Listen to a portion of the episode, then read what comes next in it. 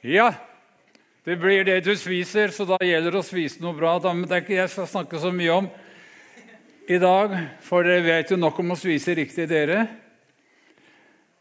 Jeg har eh, bilde av to fyrer her. Jeg skal nemlig snakke om det er ikke bare hva vi spiser, og sånn, men hvordan vi er. Og eh, alle vi har innflytelse på andre mennesker. Noen har kraftig innflytelse, noen har ikke så mye, men alle har vi det. Noen kommer til å huske hvordan du var da du var ung, og noen kommer til å huske det hele livet. Og når vi har bilde av han der, vet noen hvem han er? Er det bare tre stykker? Hvem er det? Ja, Marino. Hva er han? Han, han var fotballtrener for verdens største klubb, Manchester United. Men eh, ser han veldig happy ut? Nei. Han var generelt sur. Han var fotballtrener, og vi kan si om han han var litt redd. Han var defensiv, sa at laget skulle satse på forsvar. Og så var han skeptisk, og så var han vanskelig å ha med å gjøre for mange fotballspillere. Han satte noen de beste, på benken, og de fikk ikke spille dem. Det gikk så dårlig at han fikk sparken, og klubben hadde nesten ikke lagd mål. Elendig. Så fikk de ny trener. Hva heter han? Så er det ingen som ser på fotball? Solskjær. God jul. Solskjær han, han kan du kalle for Mr. Sunbeam. Da han kom til den klubben der, så var han ikke redd, han var glad. Han sa at gutta, slapp av. Vi skal ha det gøy. Gå ut og spill. Alle dere er proffe spillere. Kom igjen, gutter. Gassen i bånn, står på. Og hva skjedde? De har vunnet sju kamper etter hverandre. Hvis ikke åtte. Så det gjelder noe hvordan man tar det, osv. Og Nå skal vi gå rett inn i Bibelens verden, for det er samme problemer der, og det er samme problemer med oss som lever i dag. Det, det var nemlig en mann som heter Paulus. Det, du kjenner Han Han har skrevet 13 brev til Nytestamentet, Romerbrevet, også Paulus brev osv. Men han var, han var jøde, 100% jøde, og han likte ikke de kristne. For jødene hadde 613 bud pluss, pluss. Så det var innmari vanskelig, og de måtte rettferdiggjøre seg sjøl for Gud. Vise liksom at de var fromme. Og så kommer Jesus og gir sitt liv, og så er veien til Gud nåde. Kom som du er, Gud hjelper deg til å leve. Og da ble han så irritert på det at han satte i gang å kaste kristne i fengsel. Det er noen som holder på med det enda. Nå skal vi lese her. Saulus raste fremdeles mot Herrens disipler og truet dem på livet. Han gikk til øversteprest og må på brev til synagogen i Damaskus. Så han dro til Damaskus for å finne de kristne som hørte til veien. Og veien av Jesus. Både menn og kvinner førte dem med lenke til Jerusalem. Underveis, da han nærmet seg Damaskus, da skjedde det noe. Strålte plutselig et lys fra himmelen omkring ham. Han falt til jorden og hørte en stemme som sa Da het han Saul. Saul, Saul, hvorfor forfølger du meg? Det var Jesus. Ja, men Saul han forfølger de kristne. Nei, men han forfølger meg, sa Jesus. Jeg er med de kristne som kjemper. Jeg er med å ta imot, jeg òg. Og, og, og, og, da sier han, 'Hvem er du, Herre?' spør han av og til. Og svaret lød, 'Jeg er Jesus, han som du forfølger.' 'Men reis deg og gå inn i byen. Der vil noen si deg hva du skal gjøre.' Og Så går han inn i byen, og så er det en kristen mann der inne i byen som ber for ham, for han mister synet en stund, og kommer til syn igjen. Og han begynner å snakke. Nå tenner han helt. Nå ser han at jødegreiene det var ålreit, men det er ikke veien til Gud. Det er for slitsomt. Det går ikke. Ingen klarer allikevel. Så det er bare å slutte med det. Og så, så, går han på jødene og forteller at Jesus var Messias, Guds sønn. Og han er jo Faulus, eller Saula, som heter, han var råintelligent. Han hadde doktorgrader, og kunne språket, han kunne kultur og han kunne religion. Han var stenskarp i hjernen. Og da tenner jo jød, jødene i Damaskus sier vi må drepe ham. Vi kan ikke la han holde på her. Og når de kristne i byen får anelse at de skal treffe den, da har de menighetsmøte i all hemmelighet. Vi må redde den. Vi må få den ut. Ja, Hvordan skal vi klare det? Er det noen som har en kurv? Ja, sier dame, jeg kan ordne en stor kurv. Hun er god til å flette, så hun fletta kurv. Og en annen, dame sa han må ha med seg brød, så jeg baker brød til den. Og så går de ut en natt, da, da jeg antakelig ikke er månelys, sniker seg opp på muren. Det er tøffe kristne da òg. De var, kunne være livredde. De måtte ha fire karer og så kanskje 10 meter tau, 40 meter tau og høy mur. Og så bandt de tau i fire hjørner, og så la de, satte de Paulus oppå og sa 'God bless you', håper tauet holder. Og så ga de en mat oppi der og kanskje et teppe så han kunne ha over seg når han sprang i natta og skulle sove i en hule. et eller annet. Og så fira de han ned. De visste ikke at der hang 13 brev til Nytestamentet. Der hang Europas frelse. For det var Paulus, denne mannen som kom til Europa og fortalte om Jesus, og vi er her i dag, egentlig. Men de visste det ikke. De gjorde jobben, de hadde innflytelse. Og Derfor skal du og jeg være med og gjøre noe godt, sånn at det går bedre både for Norge og for vennene våre og alt hva det er. Og når, når da han har opplevd det her, så tenker han jeg, jeg må jo gå til Jerusalem, til, til, til Johannes og, og Markus og hele denne disippelgjengen. Han hadde visst at det var mange. Så han, han gjør det. Men det var fiasko. Det var fiasko. Kan vi ta neste? Da han kom til Jerusalem, forsøkte han å komme inn blant disiplene. Men alle var redd ham og trodde han ikke var noen disippel. Det var ikke så rart, det. For de hadde jo sett han kasta kristne i fengsel, og han herja og sto på. Han raste jo. Og nå står han plutselig og synger lovsanger. Halleluja, liksom. Han er, han er bare en bløffmaker. Jeg vet han kommer til å spionere hvem som er de kristne, og så kommer han en natt og tar oss hele gjengen. Men da har det skjedd noe før. skjønner du. Det, nå, nå, kommer en annen fyr inn i bildet. Han, Jeg elsker han. Har du fått det? Neste har, har du det. Skal vi se.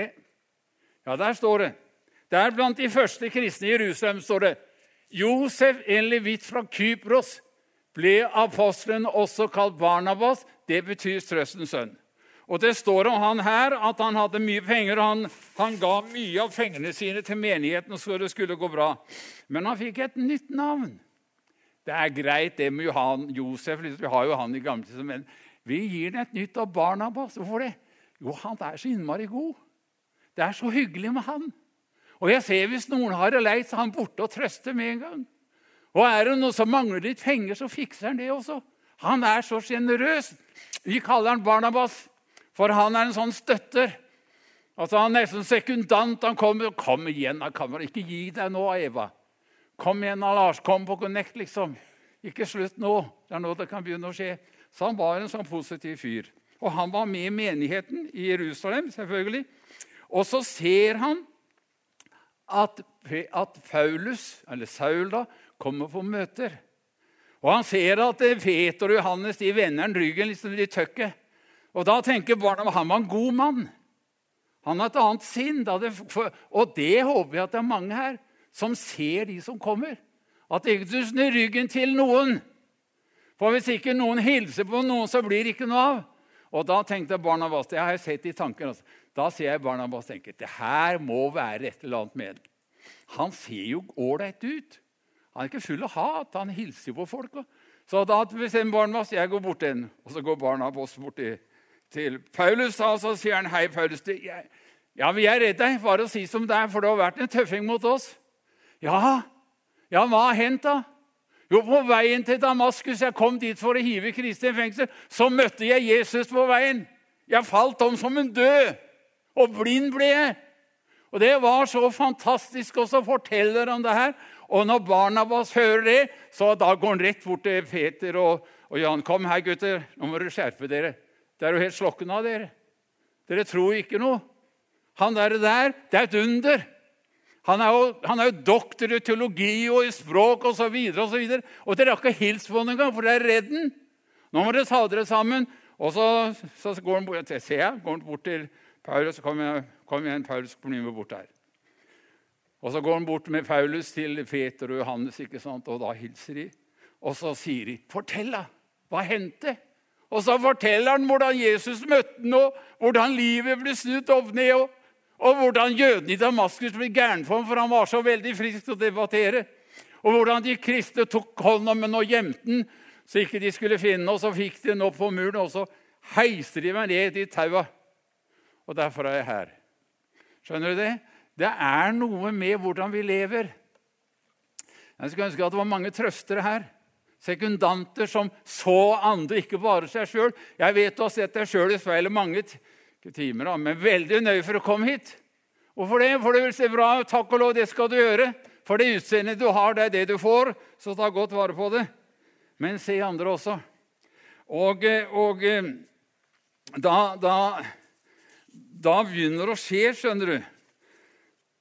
For, for i det ellevte kapittelet det må vi se, det er veldig interessant. Det er nemlig første gangen noen blir kalt kristne. I en menighet det var, de, de kristne ble forfulgt i Jerusalem, og så stakk de av gårde. Og så kom noen til Antiokia. Det var litt mer oppe i Lille-Asia. Og der ble det en veldig sterk vekkelse. Skal vi se om vi har fått det opp. Ja.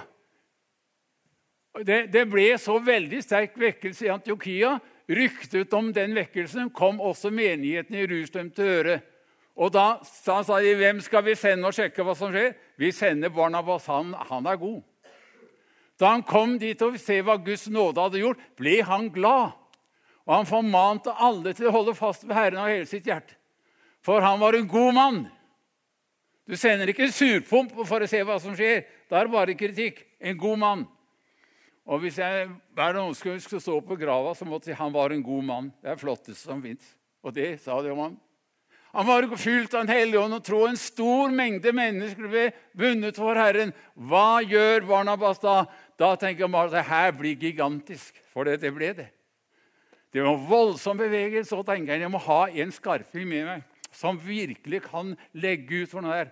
Og så vet han at Paulus da, han er, oppi, han er teltmaker. så han, han er et eller annet sted jobber oppe i Lilleasia. Og så tenker han jeg bor borte ei uke, jeg skal hente en fyr som kan hjelpe oss. Og så går Barnabas. Han tenker ikke ja, nå skal jeg ha show aleine. bare meg? Nei, han tenker nå må jeg få en som er bedre enn meg. Og så reiser han opp. og så, Jeg har sett i tanken Han får rett og huset der Paulus sitter og holder på med tauverk og greier. Teltmaker. Så sier jeg liksom Han kommer opp trappa og sier der 'Paulus, kom igjen!' 'Å, er det Barnabas?' Og så klemmer vi hverandre. Og så sier Barnabas, 'Nå slutter du som teltmaker. Nå skal du være med mine mennesker.' For Gud, du skjønner at du kan få en veldig innflytelse på andre mennesker om du kommer det. Og Paulus går bort til han som meg i teltmark. 'Jeg slutter, jeg har noe å gjøre.' Og så går de sikkert og legger hånda på skulderen til hverandre, går nedover. Og, og, og da, da, da står det slik det var i Antiokia disiplene for første gang ble kalt kristne. Der kom det. Hvorfor det? For det var en god mann som ikke nøyde seg med det han hadde sjøl, men som ville dele det. Det er en veldig flott fortsettelse. Jeg har ikke tid nå, for det har gått for lenge. Kanskje blir Det en annen gang. Det er så dramatisk med Barnabas, en god mann.